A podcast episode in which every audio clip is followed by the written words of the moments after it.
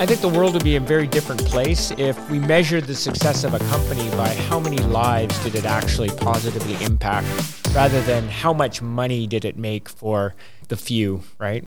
Now, here we are all these years later, and if we can set up an environment that helps lift a few people up a little bit to give them an opportunity, then that would be a great, great legacy as well.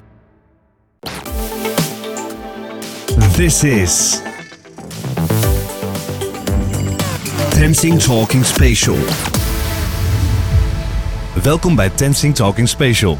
Dit is de podcast voor iedereen die werkt of wil gaan werken in de dynamische wereld van geografische informatie.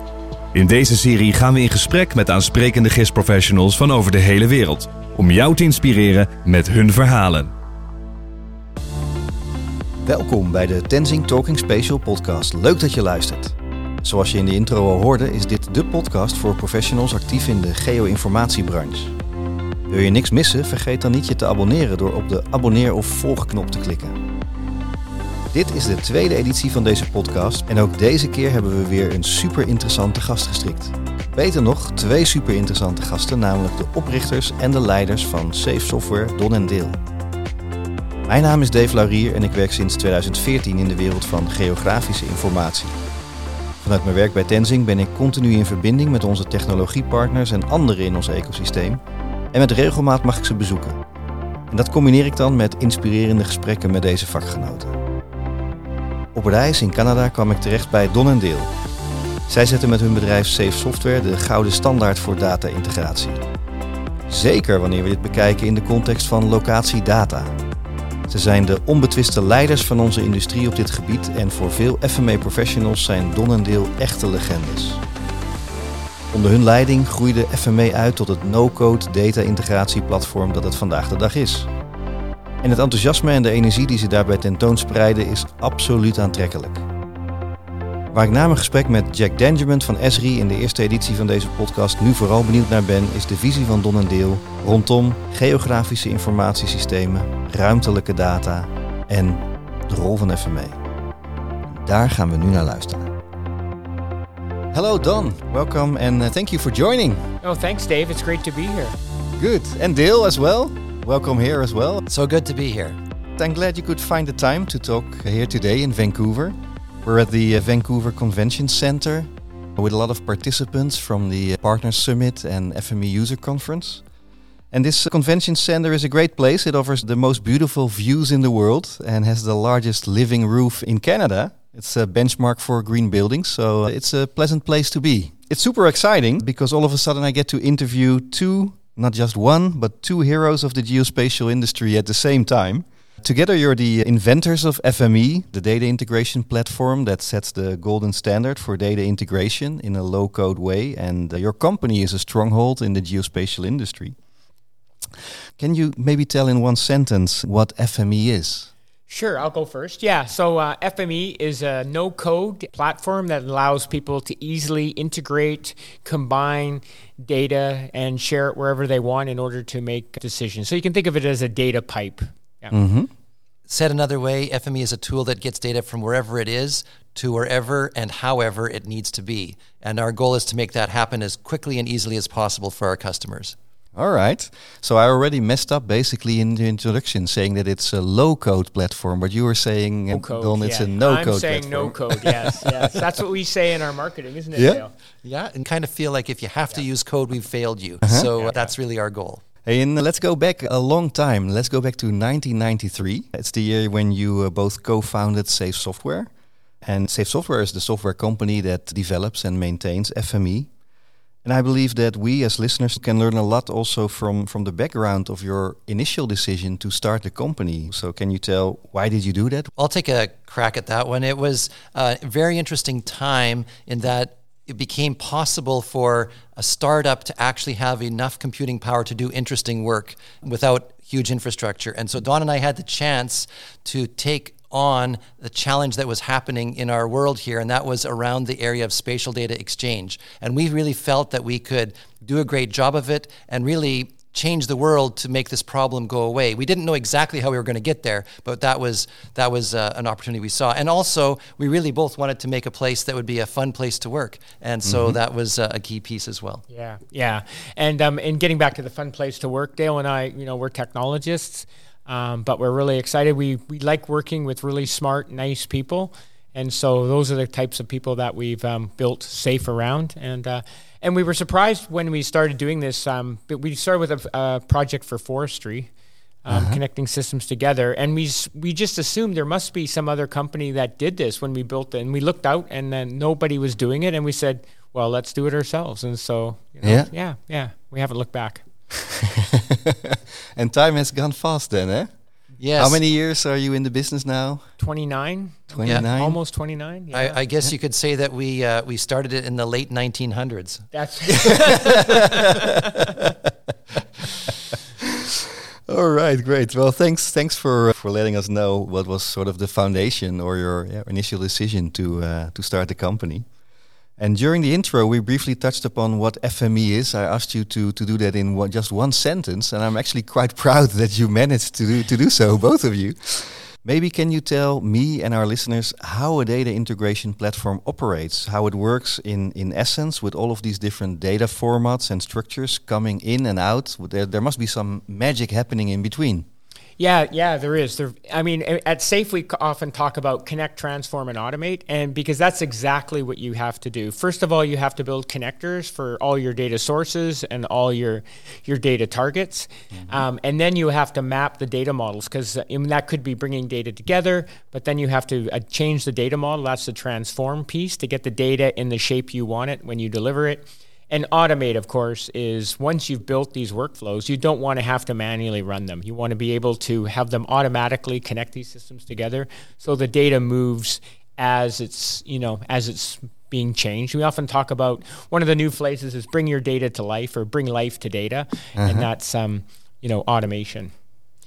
And I would say uh, technologically underneath all that, we had to create a common representation, a common way of thinking about all these kinds of data so that these connectors that we made can move the data from wherever it is into that common way of thinking. Then the user can manipulate that common thing before it goes to the output. And so over the years, we've had to extend that common way, but we were very fortunate in that in the beginning, the data we were working with is actually very complicated and hard. And if you start complicated and hard, it meant that many of the things we encountered afterwards were actually not that bad to deal with. And that's a key piece of this of this solution.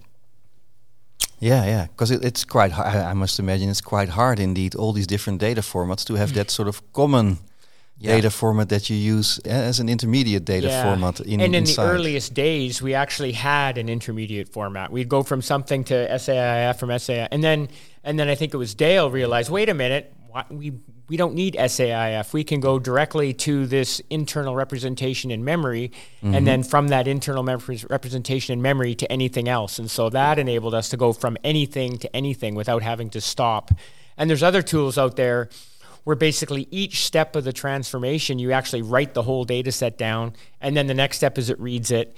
Um, whereas we're a data flow architecture, so the data never actually goes out to disk.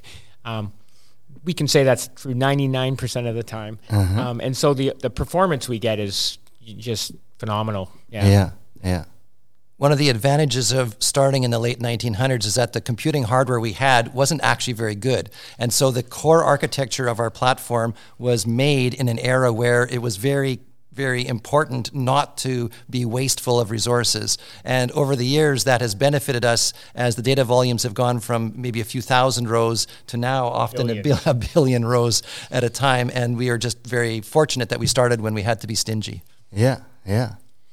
Can you maybe give sort of an indication how many data formats you're, you're supporting, like ballpark figures? Um, if you include the hub, um, I would say we're 700 plus, you know, somewhere around there. But but that's a really tough question because we have this ability to call out to any web service. Uh-huh. And so whenever we go visit a client who's talking to web services, they're just connecting to any arbitrary REST API and we don't even know about it. And oh, so yeah. and so it's a very in the old days, that was an easy question, uh-huh. you know, maybe in the late 1900s. but now that's a very, very difficult question because there's probably thousands and thousands of systems that are being connected. Yeah, yeah. yeah.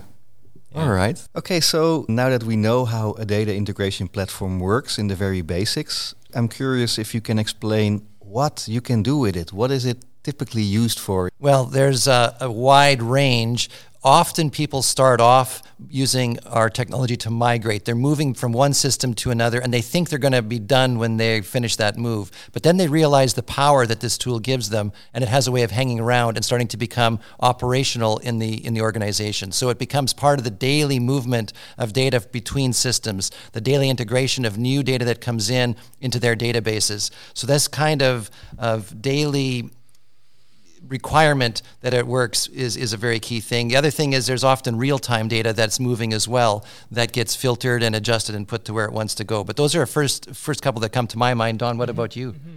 Yeah, I, I mean, data is scattered all over now, and more and more of the applications are razor focused. When we look at you know even at SAFE, we use Slack, we use Salesforce, we use Atlassian, we use all these different, we have a different HR system. So the data is scattered all over. So this dream of having one source or one database where all your data is, is, is, is not going to, is not going to happen. And so, but you still need to make decisions by pulling all that data together to get yeah. a holistic view of your organization or whatever your problem set is. And so that's one of the uses, you know, being able to make better decisions. When also we look at new technologies like, you know, augmented reality or digital cities or digital twins, mm-hmm. often to make those models, you're pulling data from many, many different sources. And I'm, I think, um, you know, you guys at Avineon and Tensing have been have been doing some of that work, being able to pull stuff together um, from many different sources to get this new holistic view of data that doesn't exist in one system. So it's all about enabling people to make better decisions at the end of the day, right? So yeah, yeah. yeah. And and and while doing so, using the application of their preference, eh? yes. because you were saying we have yes. like yeah, it's difficult enough technically to put yeah. everything in one database. Yeah. Yeah. But then, yeah, the next hurdle is people just want to use their CAD system or their Salesforce system, and they don't want to use another it, system yes. that interacts with that database. That's right. Training is very expensive, and if you can allow people to do everything within the tools they're familiar with, that's a big, big win. Yep. Yeah. Early on, I remember that one of the key words we used to use is that FME is non-invasive. You go in there, and people can still keep using whatever it is they want to, and then all still get along. And that was a key value for for many, many early customers and customers today too. Yeah. Yeah, and we see it in, in real life as well in uh, in our professional services that we have customers with a GIS system and a CAD system. Mm. And and the CAD the CAD guys never want to draw in the GIS of course because they're used to to all the Autodesk uh, software with all the features and and there's no way you're going to try to convert them to make drawings in a GIS. Uh, no. no. So, so that's the excellence also of FME to be able for all those users to, to work in the application of their own preference. Uh, mm-hmm. Yeah. All right. Earlier this week, you presented your vision to all of your partners during the, the Partner Summit. And the company's purpose was about improving lives, life, and the health of the planet. Uh, can you explain how technology, or more specifically your technology, contributes to improving the health of our planet? Yeah, sure. So there's there's data being collected at a global scale like never before, and um, in order to leverage that data to understand, you know, the impact of mankind ha- mankind has or others, we need to understand it and expose, you know, what's going on. So there's all these great satellites, for example, collecting methane data from imagery, and um, without tools to actually be able to analyze that and pull it together, um, you, you have a problem. Another one is, um, or people don't know what's going on, right? The other one is, um, you know, where can you put solar panels, right? Mm-hmm. Um, and again, with our tool, um, there's data out there that have been, people have taken with all the roof angles, and then you can figure out the orientation and figure out, okay, we could put solar panels here. There's also data of wind, wind, wind mod, um, models, and so now you can also look at, you know, figuring out where is the best place to put wind farms, and mm-hmm. and there's lots of things you have to consider. How close are they to transmission lines? Because obviously a wind farm in the middle of nowhere is going to be more expensive because you're going to have to run the transmission lines, right? And then you have other yeah. data problems like, you know, the data is wind farms have periods where they generate a lot of wind and then they have little wind. How does that map to the usage load? And what are you going to do with the excess? So, you know, all these sorts of things. You can also look at, we know the coastline, the water's rising. What impact is that going to have on on cities? What can we do to mitigate that? And, and you're from the Netherlands, and I'm sure that's a big, you know, a big a, thing. A, a, big thing. And so, you know, and it's a big thing everywhere. Um, we have wildfires everywhere, and and to put those out, often you have to put people in in places fighting them, and you need to know how the wind's blowing, the terrain, because you don't want to put anybody uphill of a fire. You always want to put them downhill, and so there's lots of uh, lots of ways. Yeah. Yeah. So apart from sort of the things that we talked about earlier about data conversion, data transformation, uh, migrating data, also the analysis part is uh, is an important part uh, of the FME platform. Yeah. Yes, uh, under under it all, we can provide added value by when we bring things together, doing some analysis of some kind to enrich that output to make it the most actionable possible. As Don was talking about all those problems, I was reflecting that underlying all of those is a lot of complexity. And to solve these things requires bringing as much data as we can to the problem because these are not easy problems. Mm-hmm. It, it, was relatively easy to light a fire and, and huddle around it and stay warm. You know, primitive man did that thousands of years ago. Figuring out where to put a windmill so we can generate electricity to get it to people's homes requires a lot more insight and thought and data than lighting something on fire. And so if we can help make that happen faster, that we can help make those decisions take place in a better way, if we can play any role at all in that, then that certainly would make me go to bed feeling happier about my life's work than, than otherwise. Mm-hmm. Early this year, I got to speak to uh, Jack Dangermond for this podcast, and we exchanged our concerns about the world's challenges and talked about a way in which technology helps combat those challenges.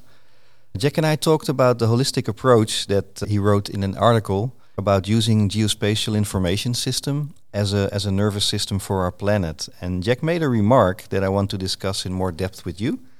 And this is what he said. The world's challenges today are big and complex, and they require holistic thinking.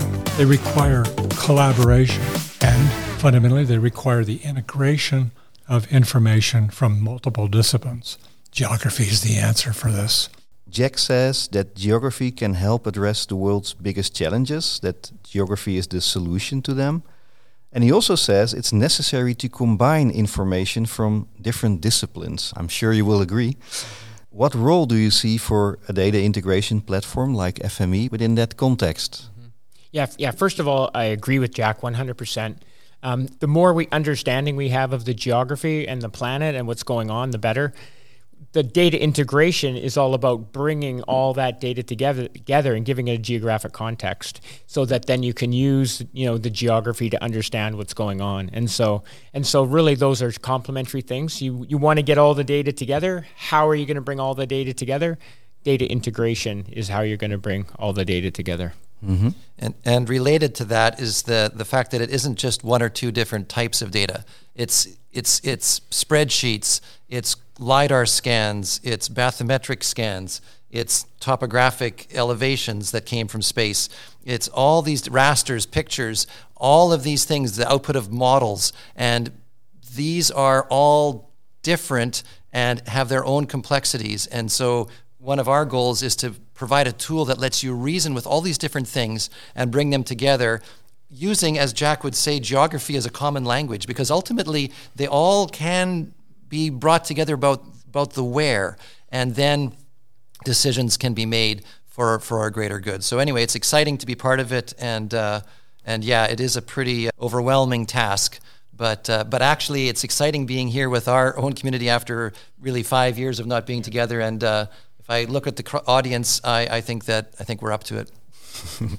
good. That's that's good to hear. That's a relief. So we can safely say that the GIS and the data integration platform are complementary in that sense. Yeah, and it, and it's safe. Our tagline really is is we're the only data integration platform with comprehensive support for for spatial. Mm-hmm. I like Dale's better. We're you know is we're the only spatially aware data integration platform, and we're seeing this across industry. We're seeing spatial data being added to capabilities like Snowflake, like Databricks, like you know um, Google BigQuery, and we're just seeing more and more. And the reason these big systems are adding spatial is because it's important. They see that they can grow their business, but their customers are also asking for spatial data. So spatial data is becoming more and more important. And I think these challenges we have at the planetary level, uh, if you will, are are something that is going to affect every business, and so every business needs to start, you know, paying attention to to spatial. Yeah. To pick up on your line about the complementary nature between GIS and data integration, I, I really think it's a situation where one plus one equals three. Yeah. That you get far more when you combine these than if you pick each one by themselves. Yeah. Yeah. yeah. This question is about a great place to work, which at this moment in time, of course, is super, super important. I wouldn't say you invented it, but at least it was a it was a real important topic when you founded the company. So, Great Place to Work was one of the reasons why you founded uh, Safe Software, not only for others but also for yourself eh, to to have fun at work. And also, you're you're solid believers of do good when you are doing good. A philanthropy is is a part of Safe Software from the beginning. Can you let our listeners know why you feel so strongly about giving back to the community? Yeah, I mean, the first thing is, is it, it's the right thing to do. It, it feels it feels good when you help somebody else. Um, it does it does feel good, and so maybe that that means we're selfish, but it, it goes back to our purpose of, you know, impacting lives, right? Like, what's uh, you know, when, when this is all said and done, I I would like safe software to be measured not on how much money it made, but how many lives did we impact? How mm. many lives did we improve? And that's our employees' lives, you know, our partners' lives, because they all have families that depend on our customers' lives. How many, you know, it'd be interesting to be able to tally up, you know, how, there's a lot of our customers whose livelihood depends on FME. But then there's also a lot of lives whose their work has impacted other lives. And so, you know, I think the world would be a very different place if we measured the success of a company by how many lives did it actually positively impact rather than how much money did it make for, you know, the few, right? So, and so, you know, at SAFE, we, Dale and I have right from the start have loved giving back. So we've given money to local hospitals. We support the needy, I guess you would say. Of course, we support the needy. Um, we like kids for lunch. We support a lunch program so kids don't go to school hungry. And um, also STEM for, for girls and things like that. So in the hospital. So, and that's, that, that's just part of it of, you know, because again, when it's all said and done, you would like to be able to look back and said, we made a difference. Safe made a difference, right? So yeah.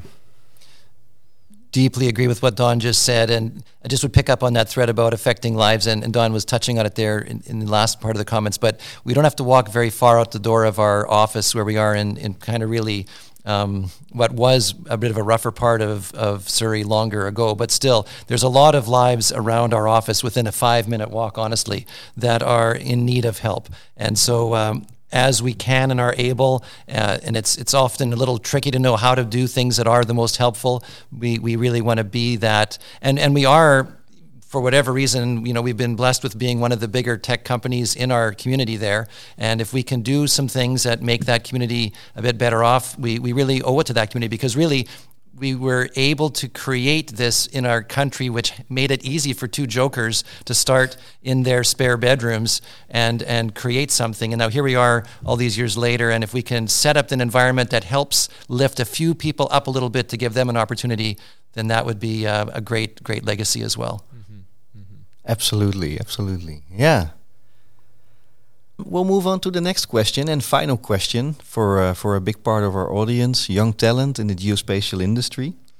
I personally believe this is a great time to be in the geospatial industry, regardless of the fact whether you're working with uh, a GIS or a data integration platform.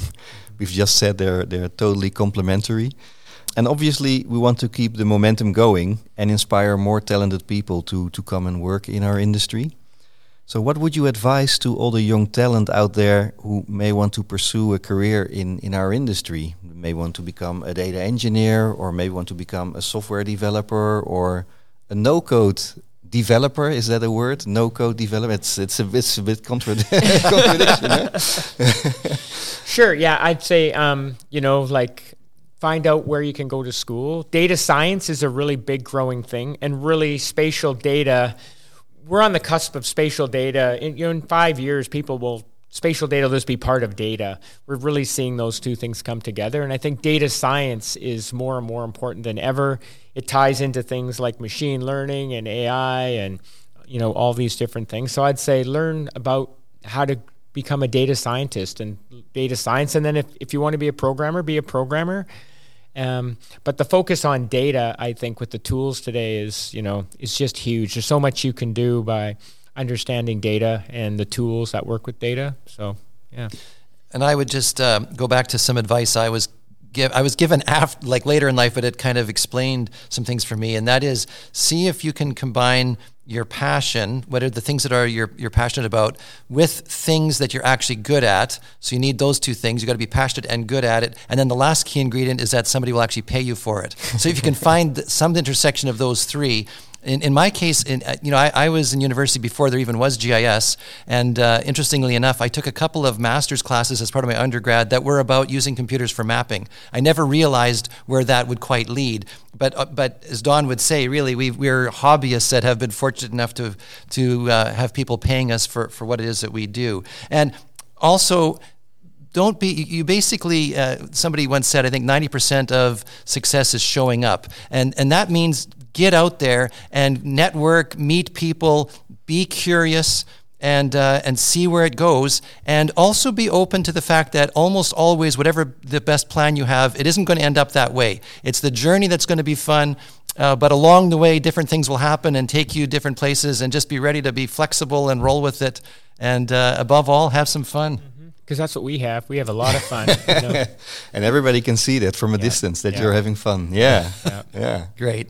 That's a great conclusion also of this of this talk. I want to thank you, uh, Don and Dale, for taking the time during this uh, during this conference week. I hope we've inspired listeners, young talent, and and all those others in the geospatial industry that are listening. So so thank you. Thanks a lot. And thank you, Dave. Thanks for having us. You're welcome.